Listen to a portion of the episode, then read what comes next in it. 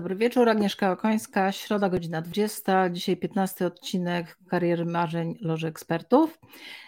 I dziś moim gościem będzie kobieta liderka z branży energetycznej. Ponieważ ja sama jestem z tej branży, to e, niestety albo stety wiele osób, które zapraszam do, do mojej audycji z tej branży energetycznej pochodzą, ale to dobrze, bo ją promujemy, a kobiety w energetyce promować należy i trzeba i to też ja robię. Moim gościem dzisiaj jest Ewa Sikora. Witam Cię Ewa serdecznie. E, Nie wiem, czy już możemy mówić dzień dobry, czy nadal dobry wieczór, idzie, idzie wiosna, więc mam nadzieję, że, że już można mówić dzień dobry. Cieszę się, że mogłaś poświęcić ten wieczór na spotkanie z nami. E, I tak jak e, zapowiedziałam, jesteś z branży energetycznej, ale tak jak i wszyscy inni moi poprzedni goście, zawsze daję im szansę, żeby o sobie powiedzieć samodzielnie, przedstawić się samodzielnie, więc o to samo poproszę Ciebie, żebyś powiedziała kilka słów na swój temat, a wszystkich, którzy są z nami już albo za chwilę będą, prosimy, żeby dali znać, że, że z nami są, będzie nam raźniej, więc witamy wszystkich serdecznie. Ewa, oddaję Ci głos. Dołączam się do, przy, do, do powitania. Ewa Sikora, obecnie gdańszczanka, mama dwójki wspaniałych ludzi. To jest chyba najważniejsza rola w moim życiu. E, a obecnie w, za, zawodowo dyrektor pionu usług dystrybucyjnych w jednym z pięciu największych operatorów systemów dystrybucyjnego w Polsce kolokwialnie zawsze mówię e, w, tej firmie, która jest od transformatorów i sieci, to jest e, ten obszar energetyki, bo wbrew pozorom odnaleźć się w tych meandrach energetycznych, podziałach e, funkcji, ról czasami bywa trudno tym, którzy są spoza branży.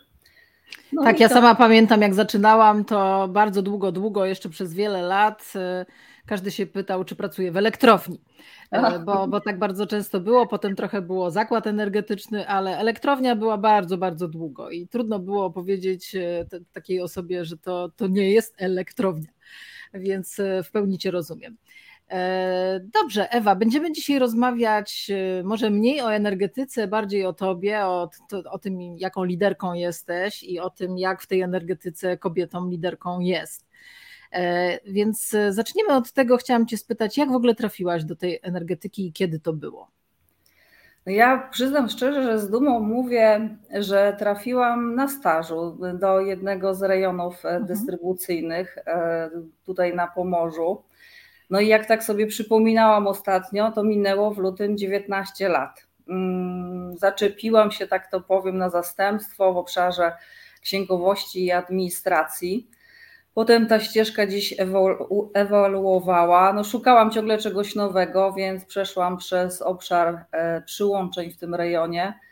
E, potem znalazłam się w oddziale spółki, bo gdzieś ciągle te nowe wyzwania były dla mnie czymś takim naturalnym. E, no i z biegiem czasu, po realizacji któregoś z projektów, dostałam propozycję, żeby zastanowić się nad przejściem do centrali e, operatora. No i tak, tak minęło mi 19 lat e, w tej branży. Ale czy to oznacza, że innej branży w ogóle nie znasz? E, przyznam szczerze, że pracowałam rok w czymś, co dla mnie jest w tej chwili e, no, moim takim prywatnym e, hobby. Mhm. E, pracowałam w pewnym salonie ekskluzywnym w mm, wystroju wnętrz, designerskiego wystroju. No, dla mnie to też było, powiem, bardzo ciekawe doświadczenie, bo tam właśnie to był pierwszy kontakt z klientem, no, można powiedzieć wymagającym jednak klientem, który chciał przeznaczyć jakieś środki nie na potrzeby mm, takie podstawowe, tylko już mhm, patrząc trochę, mhm. trochę inaczej na ten świat.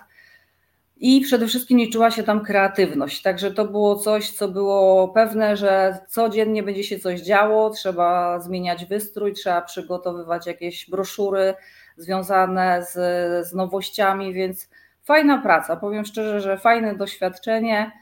E, też dało mi mm, to takie spojrzenie elastyczne na, to, na ten świat e, życia zawodowego. To, to, to, to, dobrze, bo już się bałam, że tylko energetykę znasz, a jednak doświadczenie innej, to też z własnej perspektywy wiem, doświadczenie innej branży jest, nawet jeśli krótkim doświadczeniem, e, to, to jest bardzo cenne. W międzyczasie witam wszystkich, którzy z nami się witają, to, to znaczy Karolinę, Paulinę, Anię, Roberta. Cieszymy się, że jesteście z nami.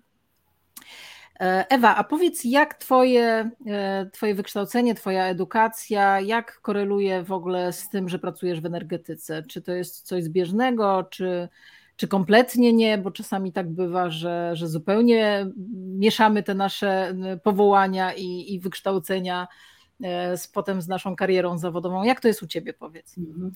To moje pierwsze wykształcenie, no, technik e, ekonomista, można powiedzieć, było zbieżne z potrzebą e, w mhm. rejonie, tak jak się pojawiłam, a potem no mogę przytoczyć, jak to się działo z, z mm, realizacją mojego wykształcenia. Potem zdecydowałam się na studia inżynierskie z informatyki. Jestem inżynierem informatykiem, dlatego że właśnie brałam udział w projektach informatycznych związanych z mhm. systemami do obsługi e, które wykorzystywaliśmy do obsługi klienta i gospodarki magazynowej.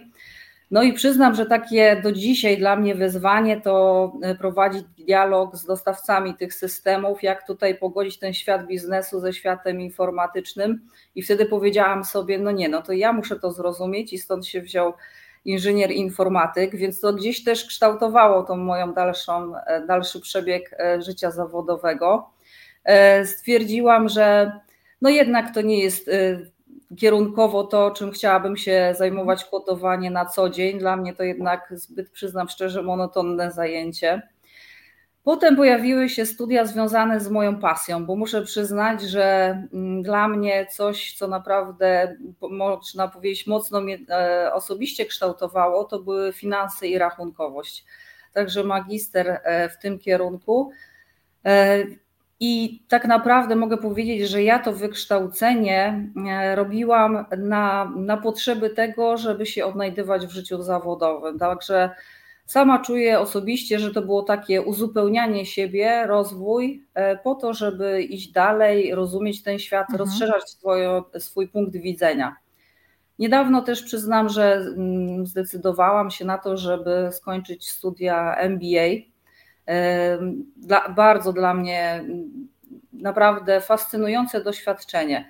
E, już nie pod kątem nabywania wiedzy, a raczej jej systematyzowania, i przyswajania sobie umiejętności wykorzystywania tej wiedzy w praktyce. To naprawdę polecam e, jednak już po jakiejś ścieżce doświadczenia zawodowego, mhm. kiedy ma się wyrobione zdania w zakresie strategii, zarządzania przez cele, e, prowadzenia projektów, no jednak warto skorzystać z takiej możliwości. Więc to, to moje wykształcenie prze, przeplata się mm, przez te ostatnie 19 lat z moim życiem zawodowym. A propos jeszcze tych studiów MBA, bo jest, y, no może nie, nie jest to y, y, porówno, ale jest dużo przeciwników i zwolenników studiów MBA. Na pewno do, do przeciwników należą ci, którzy gdzieś tam to swoje wykształcenie główne mają, takie bardziej ekonomiczne, humanistyczne, E, i, i też mówią, że niewiele nowego na takich studiach można e, się nauczyć. Ja sama robiłam bardzo, bardzo dawno temu, nie będę nawet mówiła jak bardzo dawno.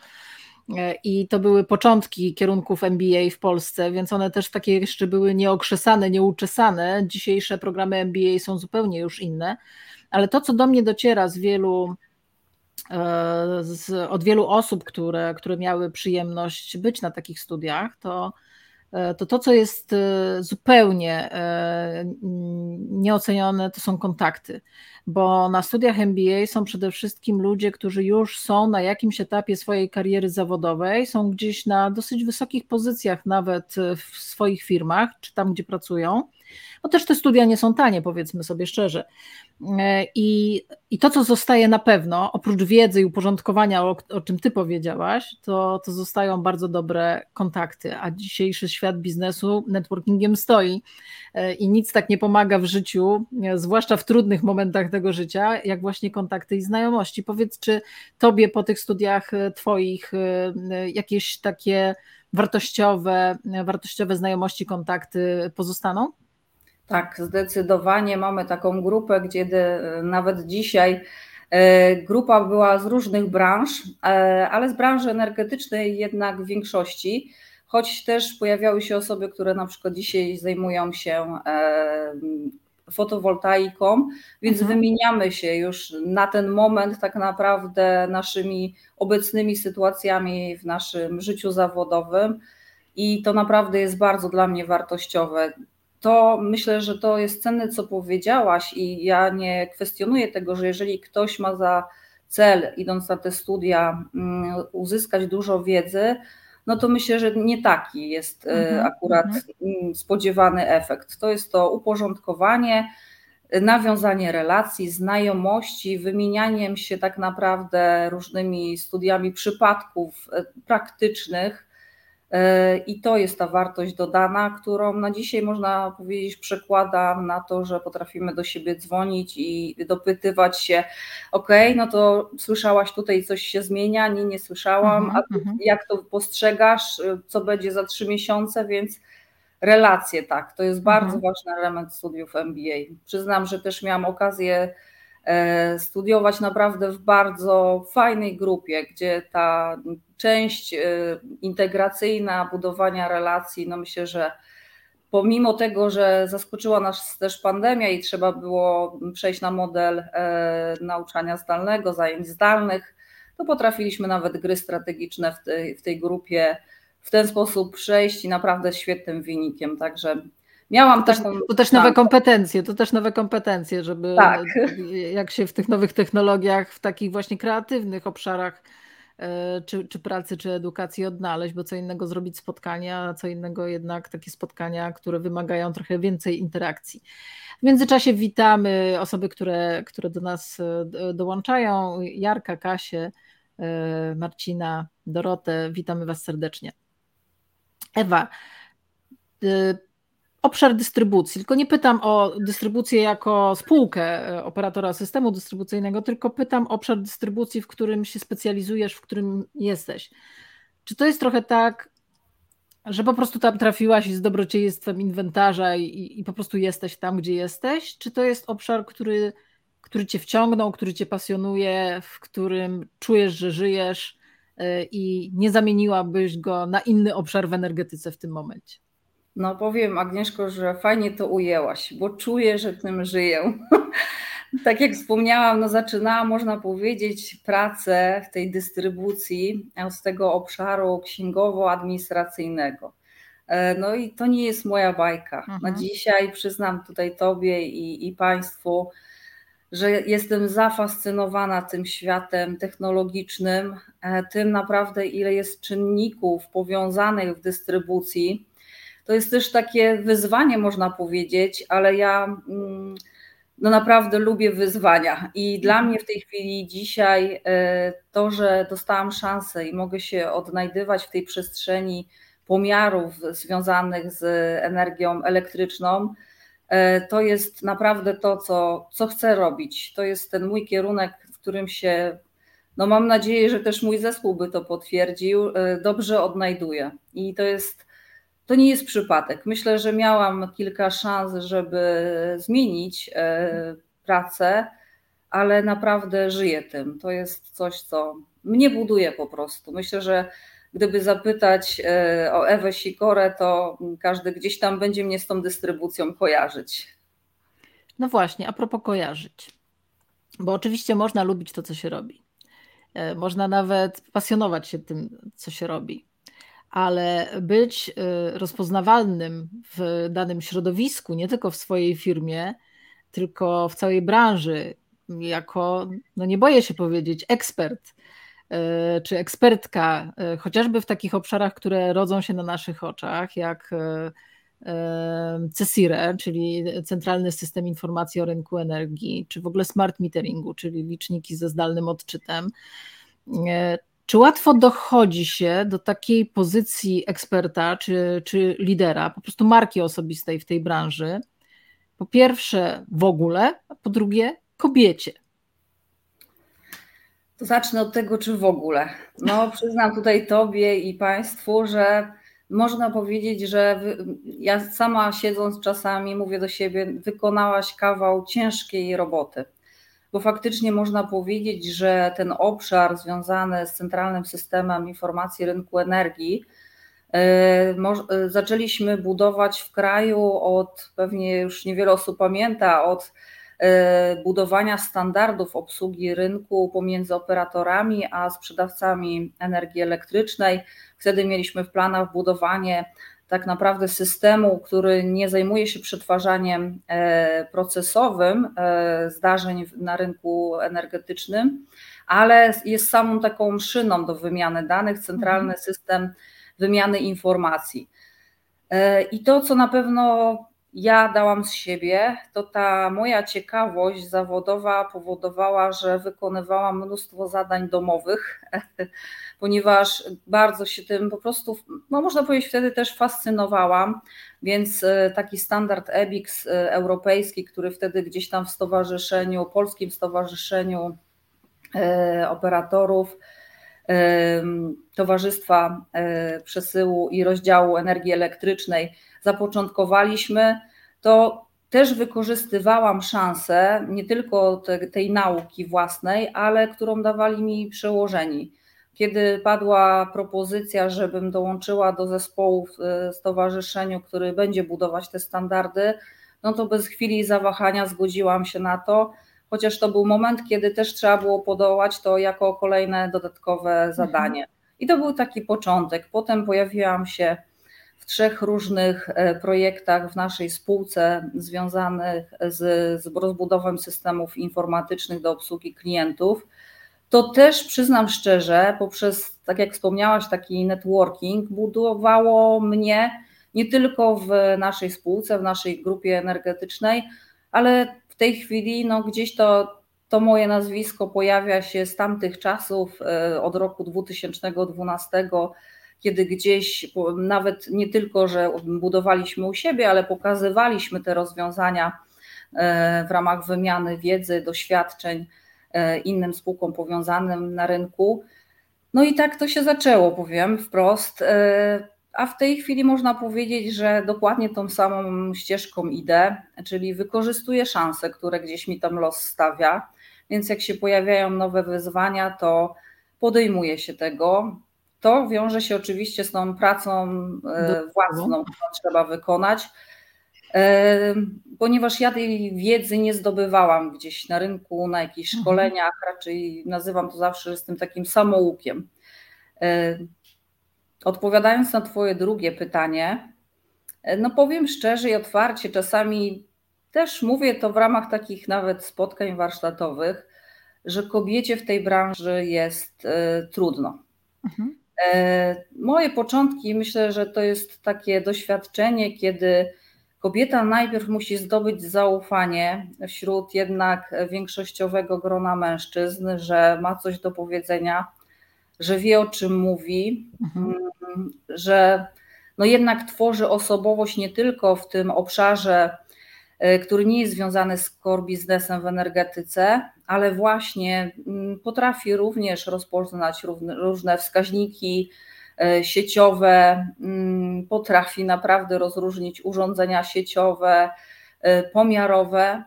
Dzisiaj przyznam, może z nieskromnością, ale że naprawdę dużą Dużą taką dozą pewności e, jest dla mnie to, że potrafię rozmawiać jako partner z moim zespołem, który zajmuje się smart metringiem w mojej firmie. Daje mi to dużą satysfakcję osobistą, że koledzy traktują mnie po koleżeńsku, jako partnerkę, która potrafi też e, z nimi dyskutować, tworzyć nowe rozwiązania.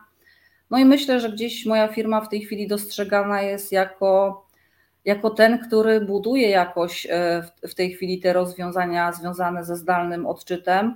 Gdzieś widzę ten mój mały udział w tym całym przedsięwzięciu. Ale jako kobiecie, no myślę, że jednak jest nam trudniej e, w tym obszarze zafunkcjonować. Jak to już następuje, to myślę, że, że panowie też doceniają to, że jesteśmy, bo dużo do tego świata też wnosimy. Takie jest moje zdanie. Ale prawda jest, że trzeba się dwa razy tyle napracować, żeby, żeby to uznanie uzyskać. E, ale sama też trochę jak kobieta mówisz, mój, mój malutki udział. O. Więc, więc gdzieś tam w środku w nas też to niedoszacowanie siedzi. E, ale wiesz co, rozpoznawalność wewnątrz branży to jest bardzo hermetyczna branża mimo wszystko. Jakby to ja też co prawda nie uczestniczę ostatnio, ale obserwuję różne konferencje związane z energetyką. Mm, to oczywiście zmieniają się ludzie w firmach, to, to i zmieniają się prelegenci, ale jakby to jest hermetyczne środowisko, tak znające się, bywające mm, na, na różnych takich wydarzeniach e, w powtarzalnym, bym powiedziała, składzie. Ale jak powiedz, też budujesz swój wizerunek jakich metod do tego budowania wizerunku używasz, żeby wyjść poza branżę, to znaczy, żeby być rozpoznawalną trochę poza ten świat tylko i wyłącznie energetyki. Pytam nie, nie, nie bez kozery, ponieważ e, jakiś czas temu rozmawiałyśmy o używaniu LinkedIna do promowania siebie i budowania marki.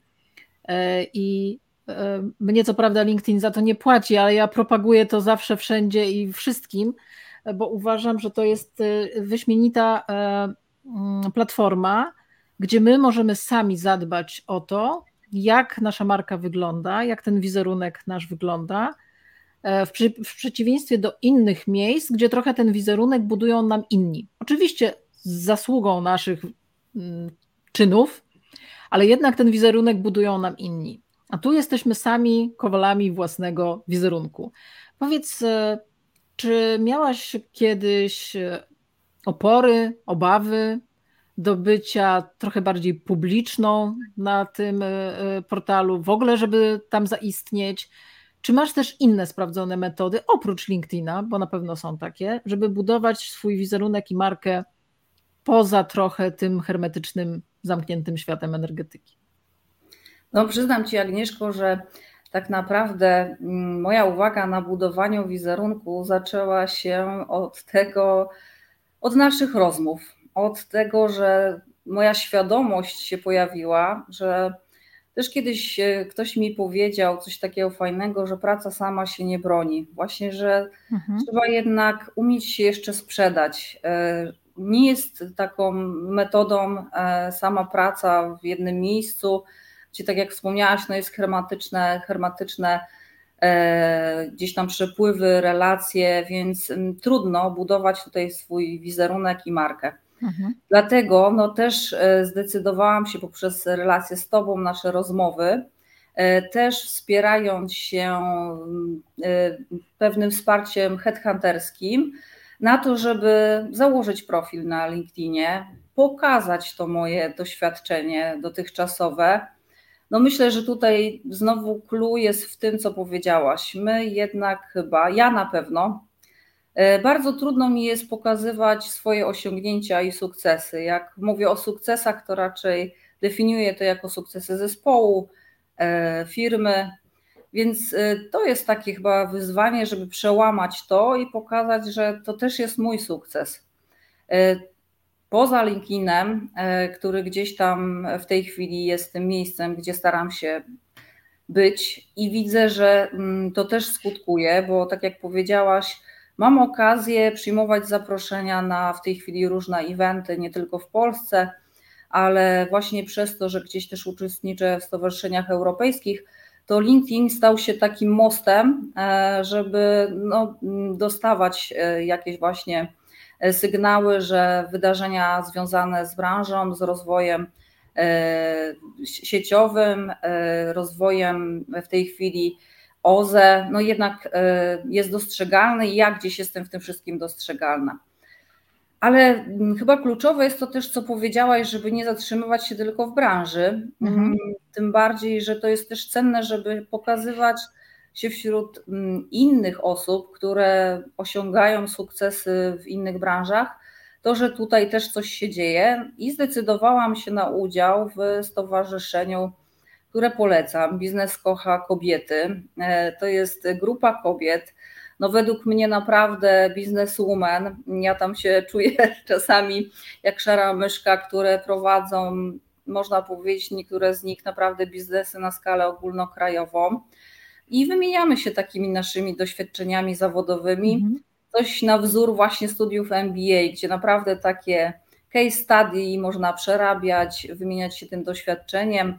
Ostatni czas bardzo trudny, który też gdzieś e, spowodował, że takie budowanie wizerunku mm, można wskazywać na, na bazie takiego trudnego doświadczenia, w którym teraz jesteśmy, czyli wojny, którą Rosja wywołała e, w Ukrainie, przeciw Ukrainie. E, więc to są te momenty, kiedy wykorzystuję jakieś takie metody właśnie związane z tak naprawdę z networkingiem, z LinkedInem, z tym, żeby gdzieś zacząć też czas swój poświęcać nie tylko na to, że pracuję, merytorycznie pracuję, ale żeby poświęcać ten czas na różne konferencje, na to, żeby też gdzieś bywać, mówiąc kolokwialnie, e, a nie tylko zamykać się e, w pracy zawodowej. I to jest ale, taki mój moment. Czy myślisz, czy myślisz, że to też jest e, taka metoda na ubezpieczenie albo zabezpieczenie planu B na przyszłość? No bo nikt nam nie obiecuje, że będziemy w jednym miejscu pracować do emerytury. W związku z tym takie przysłowie, które zawsze E, przytaczam, wykop sobie studnię, zanim będziesz spragniona.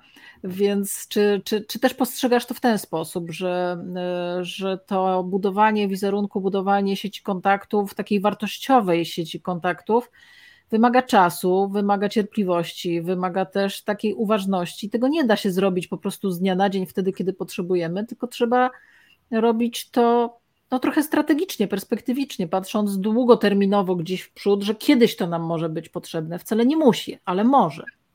Tak, ja tak, Agnieszko, tak do tego podchodzę z dwóch względów. Pierwszy, może nawet to nie jest ten plan B, mhm. ale to, że dla mnie e, budowanie tego wizerunku poprzez nawiązywanie kontaktów, relacji, które oparte są na zaufaniu, a tego zaufania nie da się zbudować, tak jak mówisz, w kilka tygodni, nawet w kilka miesięcy.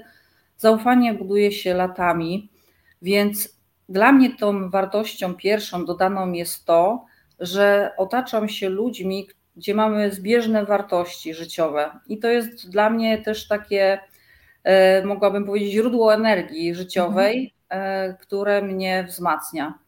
E, ale w długo mm, jakoś e, terminowej perspektywie, tak jak powiedziałaś, no świat jest zmienny. Nasza branża też bardzo mocno się w tej chwili zmienia. E, różne są sytuacje życiowe, a nie jest to, ja nie wierzę w coś takiego jak moment pierwszego wrażenia. Mogę mhm. powiedzieć, że chyba jestem osobą, która ma trudność, żeby budować ten swój wizerunek w ciągu 15 minut Raczej y, mam takie podejście, że mogę być odbierana jako ktoś, który, kto jest zamknięty i tylko przez budowanie wizerunku, który będzie gdzieś tam dostrzegany w szerszym gronie, gdzie no, te relacje jednak i przepływ informacji, który związany jest z tym, znowu takim podejściem, uważam, że mm, najlepiej się zatrudnia, jeżeli ktoś po prostu da referencję e, drugiej osobie. Akurat zbieżność e, przypadków są takie sytuacje, kiedy to jest ten moment, że mogę z tego skorzystać. Więc to jest taka, można powiedzieć, inwestycja.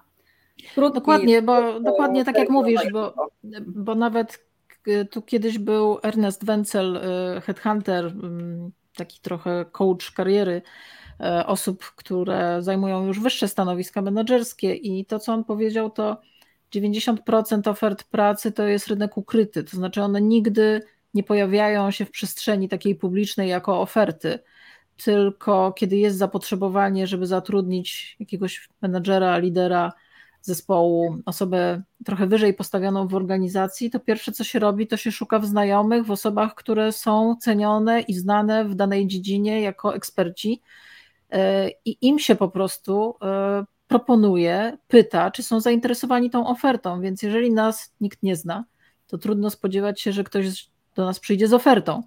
To nie znaczy, że tą ofertę musimy przyjąć, ale samo to, że ktoś do nas przychodzi z tą ofertą, pokazuje już, że jesteśmy w tej branży zauważalni, dostrzegalni i że jesteśmy też traktowani jako pewna wartość, e, bo to po te wartościowe osoby się w pierwszej kolejności sięga. Zanim przejdziemy do następnego pytania, trochę z innego mm, e, kalibru, e, to mamy dwa pytania od, od osób, które nas oglądają. Pierwsze to od Karoliny.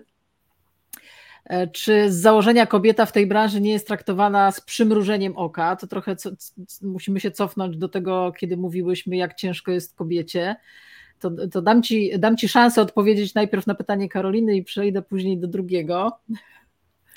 No, przyznam szczerze, że mogłabym przytoczyć tu kilka przykładów z życia wziętych z, z mojego doświadczenia.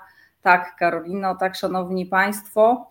E, musimy przecierać szlaki, żeby dokładnie ten, e, to spojrzenie, mm, no co ty tutaj robisz, e, odsiewać po prostu. I to, co powiedziałaś, Agnieszko, to jest dwukrotna praca z naszej strony, mhm. bo, bo ta moja praca nie polegała na tym, że ja się przygotuję merytorycznie na przykład do spotkania, ale że ja będę sobie pora umiała poradzić w sytuacji, kiedy ktoś na przykład nie chce mnie dopuścić do głosu, tylko z tego względu, że jestem kobietą.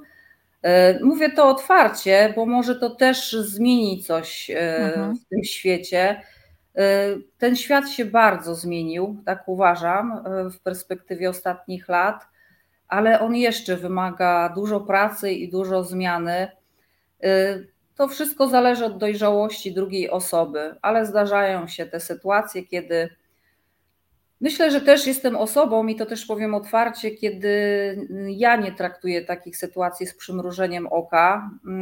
No i też y, potrafię zareagować y, po prostu szczerością, y, że jest to jakieś zachowanie niestosowne, że to, że jestem kobietą, to nie znaczy, że można w ten sposób się zachowywać i przyznam szczerze, że to bardzo oczyszcza. Mm, jest takie oczyszczające, chociaż wymaga odwagi, no i wiadomo, że też może wpływać na to, że te relacje ze mną no nie są takie, jakby, jakbym chciała, żeby były.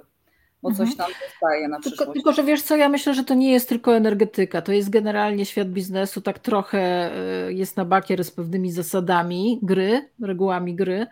Y, jeszcze dzisiaj, e, przed naszym spotkaniem, e, miałam spotkanie mentoringowe i dziewczyna, która jest moją menti, jest na wysokim stanowisku, pełni rolę CEO. E, I jej mąż jest trochę wyżej w organizacji, ale też, też gdzieś tam w strukturach zarządowych, ale wyżej nad nią. I mówi, że bardzo często spotyka się z sytuacją, gdzie ją traktują jako żonę męża tego wyżej postawionego, a nie przez pryzmat jej stanowiska. I miałyśmy dzisiaj taką dyskusję, czy, czy ona w ogóle po, powinna z tym walczyć, czy po prostu ona wie swoje i robić swoje i nie walczyć ze stereotypami, przekonaniami. Jeżeli jest jakaś osoba, która, mm, która tak myśli, to, to pewnie będzie tak myślała, czy jednak dementować, starać się pokazywać granice i pokazywać swoją gdzieś tam E, stanowczą e, e, pozycję. Mhm. Miałyśmy odmienne zdania, bo ja jestem jednak zdania, oczywiście nie napastliwie i nie jak trochę granat zaczepny, ale jak już jest sytuacja, która jest ewidentnie niekomfortowa dla nas i umniejsza naszą rolę, to nie powinniśmy tego traktować po prostu, że się nic nie stało, tylko powinniśmy w sposób w sposób e, zdecydowany, grzeczny, ale zdecydowany reagować, bo inaczej to środowisko się nie zmieni, po prostu no tak właśnie. będzie. Więc temat nie dotyczy tylko energetyki, to tylko pocieszę, ale jest generalnie e, spotykany w różnych branżach. I drugie pytanie jest o dewy. E, co pomaga ci odzyskiwać energię własną do dalszych działań, bo, bo Ewa, znacie i wie, że jesteś, tak. że jesteś, że jesteś e, pełna energii, Dorota oczywiście, więc, więc pytanie, jak odzyskujesz tą energię, Ewa, do dalszego działania? Nawet jeżeli no. czasami czujesz, że masz podcięte skrzydła. Tak, no zdarza się, słuchajcie, są takie sytuacje, że faktycznie człowiekowi gdzieś już brakuje tchu, ale to, co naprawdę polecam, e, to jest aktywność fizyczna. Ja od 2017 e, roku zaczęłam biegać, a szanowni Państwo, byłam osobą w tamtym momencie, jak e, powtarzałam za każdym razem, no nie wiem, jak ja zacznę biegać, to się skończy świat, no to będzie koniec świata. Naprawdę ja biegam nie dlatego, żeby gdzieś tam mieć super ekstra formę, bo niestety zajadam te efekty ale biegam dlatego, żeby oczyszczać głowę i ładować swoje baterie. To jest rewelacyjny dla mnie sposób, taki najprostszy. Ale przyznam, że dla mnie ładowanie baterii to jest też e, kontakt z moimi dziećmi. E, w tej chwili moje dzieci są w takim wieku, że mogę z nimi po partnersku rozmawiać. E, wiem, że w tej chwili też gdzieś to jest moment, kiedy ja korzystam z tych efektów mojej pracy, żeby budować z dziećmi takie partnerskie relacje, i to jest naprawdę coś, co daje mi bardzo dużo energii do działania. Y, bardzo dużo energii do działania dają mi też relacje z moimi przyjaciółmi i znajomymi. E, przyznam, to jest taki akurat obszar, e, kiedy mogę niektórych przepraszać, bo w tym ferworze walki to spotykamy się czasami kilka razy w roku, ale naprawdę przyznam, że to są te chwile, kiedy ja wiem, że to są ludzie tak zwane bratnie dusze i Uwielbiam te chwile, kiedy się spotykamy. Naprawdę mamy zawsze y, bardzo dużo sobie do powiedzenia i te spotkania przeciągają się do, do nocy, do godzin nocnych. To są te momenty, kiedy ładuję baterię. I to, co też mnie bardzo ładuje, y, co mm, może coś jest takie proste, ale dla mnie patrzenie na moje kwiaty w tej chwili na balkonie, to jest coś y, niesamowitego, kiedy mogę się cieszyć tą naturą wychodzenie w tej chwili z psem o 5 rano, kiedy wschodzi e, kiedy jest wschód słońca i słyszy się ten śpiew ptaków, to są małe rzeczy, które naprawdę ładują moje baterie. To, jest, to są te momenty. I przyznam też, e, że od paru miesięcy pracuję nad tym, żeby budować wdzięczność sobie właśnie za te małe rzeczy bo bardzo mocno widzę, że to jest źródło, to jest źródło tego powera, którego czasami potrzebuję. Strasznie zazdroszczę Ci bycia w tym klubie piąta rano. Dla mnie to jest niestety nieosiągalne. Ja jestem raczej w klubie druga w nocy, e, ale, ale no, jestem w stanie sobie wyobrazić tą e, tą aurę e, o piątej rano, kiedy się wychodzi i ten świat się budzi do, do życia, ale nie jest w stanie mnie to skusić aż tak bardzo, żeby wstać o piątej. Ubolewam, ubolewam, ale nie można być idealnym. Słuchaj, e... pamiętaj, co ja mówiłam o bieganiu, więc nie mów nigdy, może jeszcze cię tutaj zachęcę. Mamy kolejne pytania, więc zanim przejdę do swojej listy, to wyczerpiemy te, które się pojawiają. E, Paulina pyta, Mm, czy bycie mentorem to trudna rola, bo, bo, bo Paulina e, mówi, pisze, że e, jesteś dobrą mentorką i że pracujecie na, na różnych przykładach, więc pytanie, czy rola mentora to, e, to trudna rola. No, przyznam, że tutaj dziękuję, Paulina.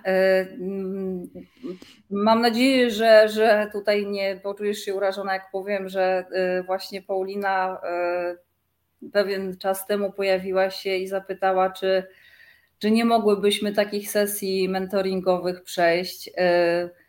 Bycie mentorem, ja przyznam tak, ja się nie czuję mentorem. Ja raczej tutaj, Agnieszka, spoglądam na ciebie i czerpię z naszych kontaktów i relacji dla siebie. Ale mm, trudno chyba nazwać to taką, mm, taką wielką definicją jak mentoring.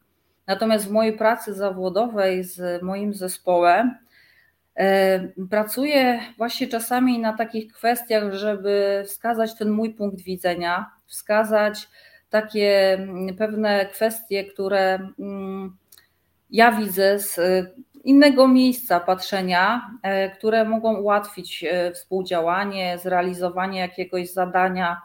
E, ta sztuka kompromisu, którą czasami trzeba wyciągnąć, pomimo tego, że tak bardzo chciałoby się ten cel osiągnąć tutaj w tym mhm. momencie.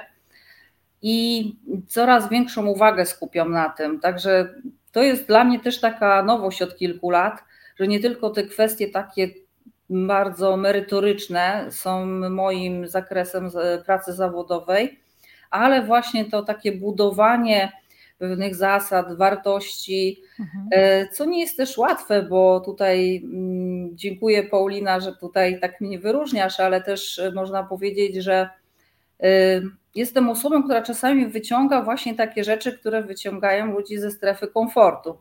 Więc e, to są te trudne momenty. Mm, zawsze na pewno ja sobie zadaję pytanie, nie, nie umiem o sobie powiedzieć, czy jestem dobra, czy niedobra. ponieważ na, odpowiedź na to znają ludzie, którzy ze mną pracują, którzy mogliby właśnie udzielić odpowiedzi. To, żeby nie było, że to tylko takie babskie pogaduchy, to też pytanie od kolegi Jarka. Mm, jak kobieta pracująca w branży energetycznej i zajmująca wysokie stanowisko ocenia pracę mężczyzn? O, proszę. E, no z Jarkiem to akurat ocena to jest na bieżąco, ale e, myślę, że trudno tutaj mówić o ocenie. No, ja jako przełożony, jako gdzieś szef zespołu, no to nie ucieknę od tych ocen. E, to, co myślę, że jest warte zauważenia, że każdy z nas ma swoje dobre strony i mocne cechy. I kobieta, i mężczyzna. I bardzo sobie cenię w mężczyznach to, jeżeli potrafią to dostrzegać, że potrafimy się naturalnie uzupełniać i każdy może czerpać. My, kobiety i mężczyźni również w tej branży mogą e, czerpać. I to jest, myślę, coś takiego. Mm, czasami przyznam szczerze, że mm, myślę, że my, kobiety, jesteśmy wytrwalsze w dążeniu do pewnych celów e, i tym się mocno różnimy. I czasami uważam, że bardziej dynamicznie i wielowątkowo potrafimy pracować. To nas uważam pięknie różni, mm, ale daleka byłabym, żeby tutaj oceniać e, grupa kobiety, mężczyźni. Mhm. To są indywidualne podejścia, sprawy. To jeszcze ostatnie pytanie, oczywiście w tym momencie ostatnie, bo na, następne mogą cały czas spływać. Od Ani. Jeśli nie energetyka, to co? Oj, to jest naprawdę trudne, bo tak jak powiedziałam, e, ta energetyka jest we mnie, to jest jak przepływ krwi w moich żyłach. Naprawdę ja bardzo sobie cenię, że mogłam wejść w tą branżę, dla mnie to jest fascynujące ale gdzieś przyznam, że ten pierwszy moment, który cały czas jest moją też fascynacją, a w tej chwili hobby, no myślę, że takie marzenie, takie daleko idące, mm, to jest kwestia właśnie designerska i florystyka.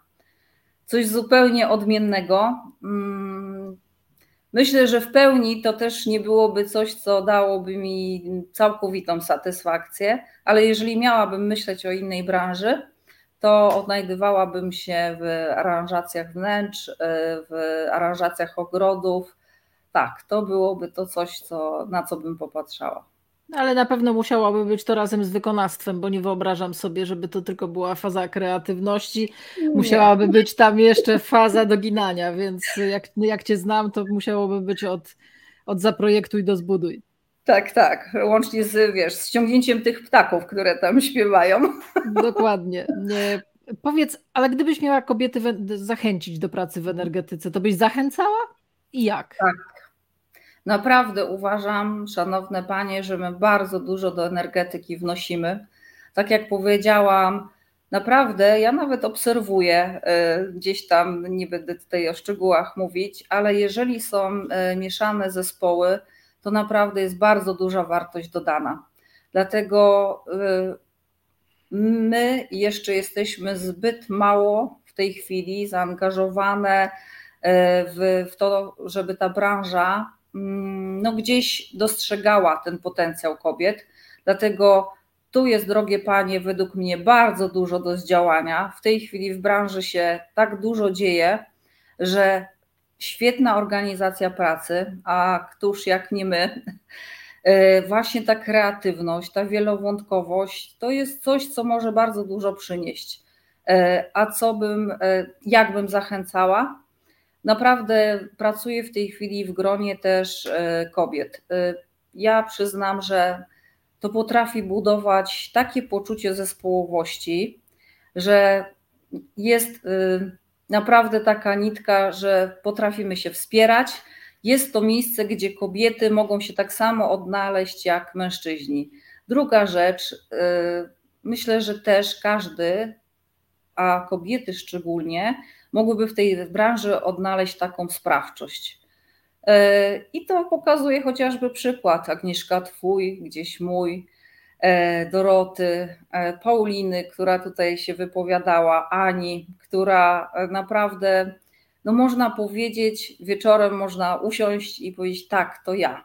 Mhm. I to jesteśmy my, drogie panie, tylko cały czas uważam, że jest nas zdecydowanie za mało, bo tak jak powiedziałaś, nie tylko na pewnych kongresach, konwentach, ale jak się zobaczy takie spotkania branżowe, kilkunastu panów i my jedna albo dwie. Także mhm. Przyznam, że ja to przełamywałam na studiach inżynierskich, bo też to była taka sytuacja, że kilkudziesięciu panów i ja jedna rozpoczynaliśmy w grupie, że byłyśmy trzy. Skończyłam jako jedyna ten kierunek. E, naprawdę, drogie panie, my potrafimy wnieść bardzo dużo i zachęcam, bo w tej chwili dużo można jeszcze w energetyce osiągnąć. Popieram. Tak jak kiedyś było kobiety na traktory, kobiety teraz do energetyki i do, i do zawodów trochę bardziej postrzeganych jako męskie. E, Ewa, Ewa liderka. Mm, jakie decyzje takie menedżerskie są dla ciebie najtrudniejsze? No, to, to jest trudne pytanie. Myślę, że. E, Nikt nie mówił, że będzie łatwo i no, tylko No właśnie, tutaj. A kto by pomyślał?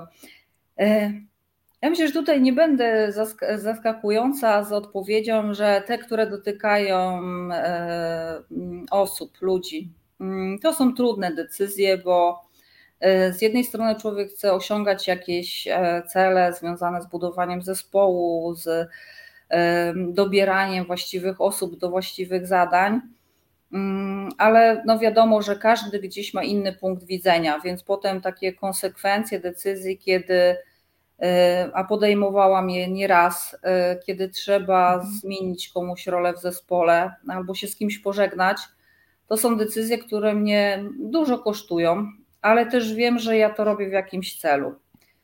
Chyba najtrudniejsze, przyznam, decyzje to są te, mm, które dotykają mnie samej.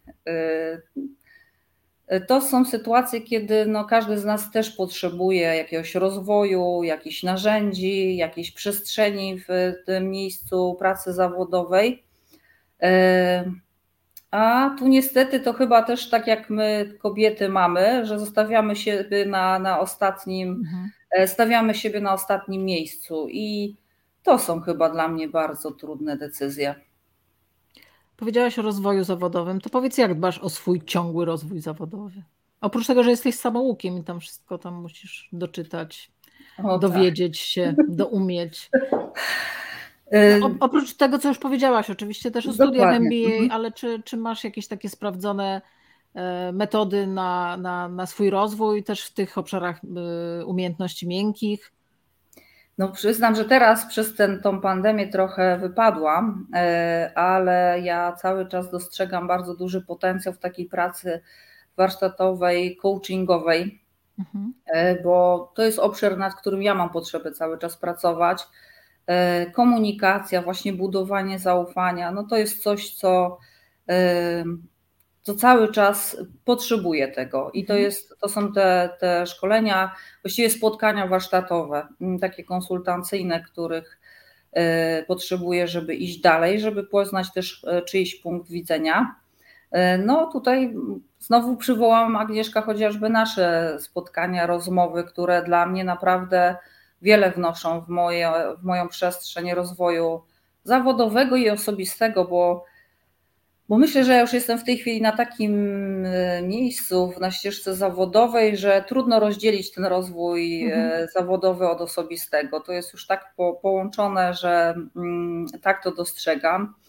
Drugi element e, to jest znowu coś, co, co klasyfikuję już jako hobby. Uwielbiam czytać. Więc naprawdę połykam te książki, książki związane w tej chwili bardzo mocno z filozofią z psychologią behawioralno-poznawczą. E, I dla mnie znowu to jest przestrzeń, żeby e, odnajdywać się w tych kompetencjach miękkich. I zawsze mówię, że no nie zapamiętam całej książki, ale trzy najistotniejsze elementy, fakty, zdarzenia zostają. Więc to jest kwestia, która myślę, że jest mocno rozwojowa dla mnie. To polecam Ci filozofię dla zabieganych, jeśli jeszcze. Oj, nie Agnieszko, oczywiście gdzieś jest tutaj na półce, ale jest na innej, bo jest na liście do przeczytania. E, te są położone w inny sposób. Polecam wszystkim. Tak, już właśnie skorzystałam z Twojego polecenia bodajże na Instagramie, także zakupiłam, jest. To, co chyba też myślę, że można dostrzegać w kategorii rozwoju, to jest to moje takie podejście, że w życiu zawodowym ja raczej się kieruję tym, że ja więcej nie wiem niż wiem. Mm, więc znowu gdzieś ta przestrzeń właśnie do tej samonauki y, i konsultowania. Ja cały czas będę się opierać, że jednak no, człowiek nie jest samowystarczającą e, osobowością i potrzebuje tej przestrzeni punktu widzenia, myślenia, nawet te różnice nasze w podejściu mhm. do różnych spraw uważam, że są kwestią rozwojową, więc bardzo dużo się uczę od mojego zespołu. Naprawdę mm, to jest coś, co mm, ja mogę wprost powiedzieć, e, mm, kategoryzuję w e, kwestiach mojego rozwoju zawodowego. E, mówiłaś trochę wcześniej o, wartościach, że one są dla ciebie wa ważne w pracy zawodowej, ale też pewnie w życiu prywatnym. Możesz zdefiniować, jakie są te Twoje wartości, którymi się tak w życiu kierujesz, bo e, już z wieloma osobami wcześniej, kiedy rozmawiałam, to wielokrotnie przejawia się taki pogląd, że każdemu się wydaje, że wie, jakie ma wartości, jakimi wartościami się kieruje, ale jak trzeba je zdefiniować, to tak nie do końca wszyscy są pewni e, i jest mało osób, które są świadome. A to jest bardzo ważne, bo jeżeli my pracujemy w środowisku, które jest niezgodne z naszymi wartościami, albo przebywamy prywatnie w środowisku, które jest niezgodne z naszymi wartościami, to my fizycznie cierpimy na tym. Więc pytanie, czy ty masz swoją już definicję wartości, czy, czy, czy, czy, zawsze wiedziałaś? Dobrze, że zostawiłaś trochę Agnieszko więcej czasu na odpowiedź, bo tak jak mówisz, trudno to nazwać. Mm, mhm. Ja przyznam, że to, czym ja się kieruję na co dzień, co mm, nazywam wartością, e, co daje dużo dla mnie satysfakcji, bo tak jak mówisz, czuję się w zgodzie ze sobą. To jest to kolokwialne powiedzenie: przychodzę do domu i patrzę sobie w lustro i mówię, musiałam to zrobić. E, to jest autentyczność. Taka autentyczność, gdzie nie buduję mm, czegoś, żeby się przypodobać komuś, tylko nie, ja mam swoje zdanie, ja tak myślę i wypowiadam je e, z poszanowaniem granic, bo tutaj nie chodzi o to, żeby mhm. naruszać czyjąś przestrzeń. Natomiast jeżeli ja się z czymś nie zgadzam, jeżeli ja mam inną opinię, to mm, właśnie dla mnie jest bardzo istotne, żeby mm, być w autentyczności, być w zgodzie ze sobą. E, takie może to są kolokwialne rzeczy, ale dla mnie e, można powiedzieć taką cechą, wartością przewodną jest uczciwość. Ona jest bardzo według mnie szeroko definiowana, ale uczciwość i wobec siebie, i wobec innych. Mhm. Ja też nie będę tutaj mówiła, że jestem świętą z aureolą, ale jeżeli naruszam czyjąś przestrzeń i y, są sytuacje, kiedy wiem, że naruszyłam to, że kogoś nie słuchałam, nie dałam mu przestrzeni, żeby wyraził swoją opinię, to to są te momenty, kiedy ja się źle z tym czuję. Y, I to definiuję jako właśnie moją wartość pod tytułem uczciwość. Każdy mhm. z nas jest równy każdy z nas jest inny. Dla mnie ważne jest właśnie poszanowanie to, że każdy jest inny, każdy prawo ma być inny, e, a jednocześnie, no właśnie, każdy, każdy z nas jest równy sobie, więc e, i, i trudno tutaj, żeby mówić, że są lepsi, lepsiejsi. E, I to są takie wartości, którymi ja się w życiu staram się kierować, naprawdę. I, i wtedy wiem, że to mi daje takie poczucie po prostu spokoju. Mhm. To jeszcze jedno pytanie od Pauliny a propos książek za tobą. Czy jakaś niebranżowa książka wywarła na tobie wrażenie? No, przyznam, że takich książek było mnóstwo. E, ja polecam książki na przykład N. E, e, Ryan. No, dla mnie na przykład źródło Atlas Zbuntowany. To są książki, które chyba zostaną mi w pamięci do końca życia. A to nawet tak w nawiązaniu do wartości, właśnie tej zgodzie ze sobą, autentyczności. Ale też tak e, masz, że po Atlasie zbuntowanym trochę nadgarstek boli od trzymania książki? O, tak, tak, Agnieszko. I przyznam, że jeszcze, wiesz, czytałam dwa razy, bo musiałam potem zakładeczki sobie indeksowe robić. Te momenty, z którymi się najbardziej integruję. Tak. Można powiedzieć, chyba naj, najgrubsza książka.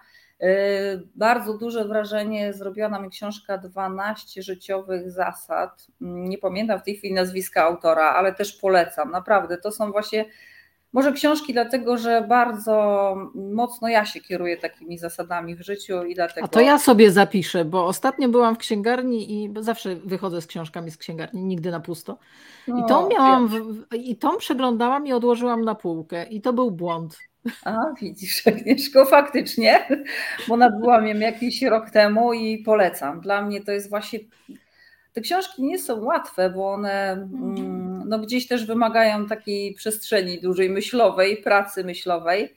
E, polecam ostatnio książki Czuła Przewodniczka e, albo Kobieta z wilkami bodajże. Też naprawdę trudna książka ale uważam, że właśnie oddająca pewien nieukład kobiety w świecie, ale tak naprawdę świata, który oparty jest o kobiecą moc, więc polecam nie tylko kobietom, ale też polecam mężczyznom, którzy może chcieliby bardziej zrozumieć ten nasz sposób bycia i życia. No to jestem w trakcie czytania. Rzeczywiście no. wymaga czasu, więc może majówka idzie, może, może uda mi się trochę więcej przeczytać. E, Ewa, pewnie Ci nie zdążę wszystkich pytań zadać, bo zostało nam niewiele minut, a staram się w godzinę zamykać nasze spotkania. E, więc e, tak na szybko muszę przefiltrować, co na pewno chciałabym Ci zadać jeszcze. Jakie w Twojej ocenie będą kompetencje przyszłości? W energetyce, ale nie tylko, w mhm. ogóle bo śledzisz ten świat, tą zmieniającą się rzeczywistość, te nowe technologie, więc na pewno masz też swoje spostrzeżenia jako menadżerka dużego zespołu, jako liderka, jakich kompetencji będziesz w swoich pracownikach przyszłych szukać? Na pewno otwartości, e, otwartego spojrzenia na różne rozwiązania, poszukiwania rozwiązań no znowu pewnie nic nowego, elastyczności. Ten świat mhm. nie tylko w naszej branży, ale w innych również jest bardzo dynamiczny w tej chwili. Pandemia, wojna pokazują, że trzeba się umieć dostosować w ciągu godzin, e, więc otwartość, elastyczność i kreatywność, która według mnie w dużej mierze właśnie pochodzi z tego dostrzegania potencjału w innej osobie która może wnieść dużo do pracy zespołowej, więc znowu też właśnie umiejętność pracy zespołowej, ale to, co chciałabym chyba zaznaczyć, co według mnie będzie takim wyzwaniem pokoleniowym, umiejętność wytrwania w realizacji zadań, bo myślę, że przechodzimy do dużego wyzwania, mm, kiedy no ja sama już dostrzegam tutaj w relacji nawet z moimi dziećmi, ale nie tylko, że chyba mm, przechodzimy w tej branży też w świecie zawodowym do, y, w pokolenie wchodzimy, któremu trudno jest utrzymać pewną stałość życiową, potrzebuje bardzo silnych bodźców, więc to będzie też myślę, że taka kompetencja, która będzie poszukiwana na rynku. Ale tu zgadzam się z Tobą, bo to trochę jest y, obraz czasów. E, że to nie tylko w przestrzeni zawodowej młodym pokoleniom jest trudno e, utrzymać stabilizację, czy stabilność, czy lojalność, e, lubią zmiany, ale to dotyczy nas wszystkich, bo zauważ, że coraz więcej komunikatów do nas dociera, coraz więcej informacji, do coraz większej ilości informacji mamy dostęp. Mamy dostęp do do wiedzy, kursów jakichś online na przykład darmowych. Zaczynamy, nie kończymy. Kupujemy dużo książek, zaczynamy, nie kończymy.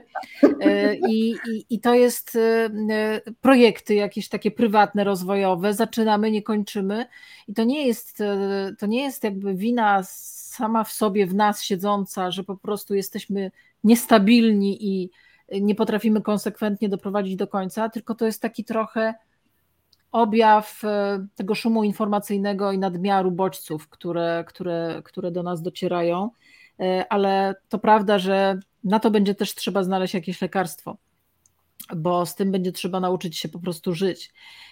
I na koniec, ostatnie już moje pytanie na dzisiaj. Jaka jest Twoja definicja sukcesu, Ewa? O, no to żeby może nie przedłużać. Ja myślę, że dla mnie to jest przede wszystkim satysfakcja z tego, co się robi. Dla mnie naprawdę to jest e, takie wychodzenie z tego miejsca mhm. pracy albo budzenie się rano i mówienie sobie wow, no mam to, to jest właśnie to. I to jest ta satysfakcja z tych małych kroczków, małych osiągnięć. Uważam, że to jest właśnie sukces zawodowy, naprawdę satysfakcja z tego, co się robi. I to jest chyba ten moment. I to, co dla mnie jeszcze jest bardzo istotne, e, to jest przestrzeń na nowe wyzwania. No, przed chwilą to powiedziałam, ale też jestem tak. Nie, znosi, nie znosisz nudy. Nie znosisz nie. nudy. Ja nawet przyznam, że właśnie w tym czasie pandemii, wojny, to, to awarii jakichś masowych ostatnich miesięcy, to odnajduje się w tych sytuacjach, kiedy coś trzeba zorganizować w bardzo szybkim mhm. czasie, zmienić jakieś zasady, więc e, też taka szansa, możliwość e, pracy, w której ma się te momenty, żeby też nie po prostu nie stać w miejscu i móc się rozwijać. Ewa, mimo że bardzo często rozmawiamy prywatnie, to ja czuję niedosyt i jeszcze bym wiele pytań Ci zadała, ale szanując czas i wieczór wszystkich nas, e, chciałam Ci serdecznie podziękować za to, że mm, znalazłaś ten czas, e, że przyjęłaś moje zaproszenie, że chciałaś się podzielić swoimi przemyśleniami. E, no i cóż, dzięki Ci bardzo. Mam nadzieję, że było ciekawie. Kto nie dał rady dołączyć na żywo, to zawsze ma jeszcze możliwość obejrzeć, obejrzeć retransmisję albo wysłuchać podcastów, które jeszcze dzisiaj się pojawią. Ewa, ja. bardzo serdecznie Ci dziękuję. Ja również bardzo, Agnieszko, dziękuję za zaproszenie, że mogłam dołączyć do, do grona osób, z którymi przeprowadzałaś te rozmowy. Bardzo dziękuję osobom, które są tutaj z nami na żywo e, i kieruję też serdeczne pozdrowienia dla tych, którzy się zdecydują na oglądanie może w przyszłości. Super.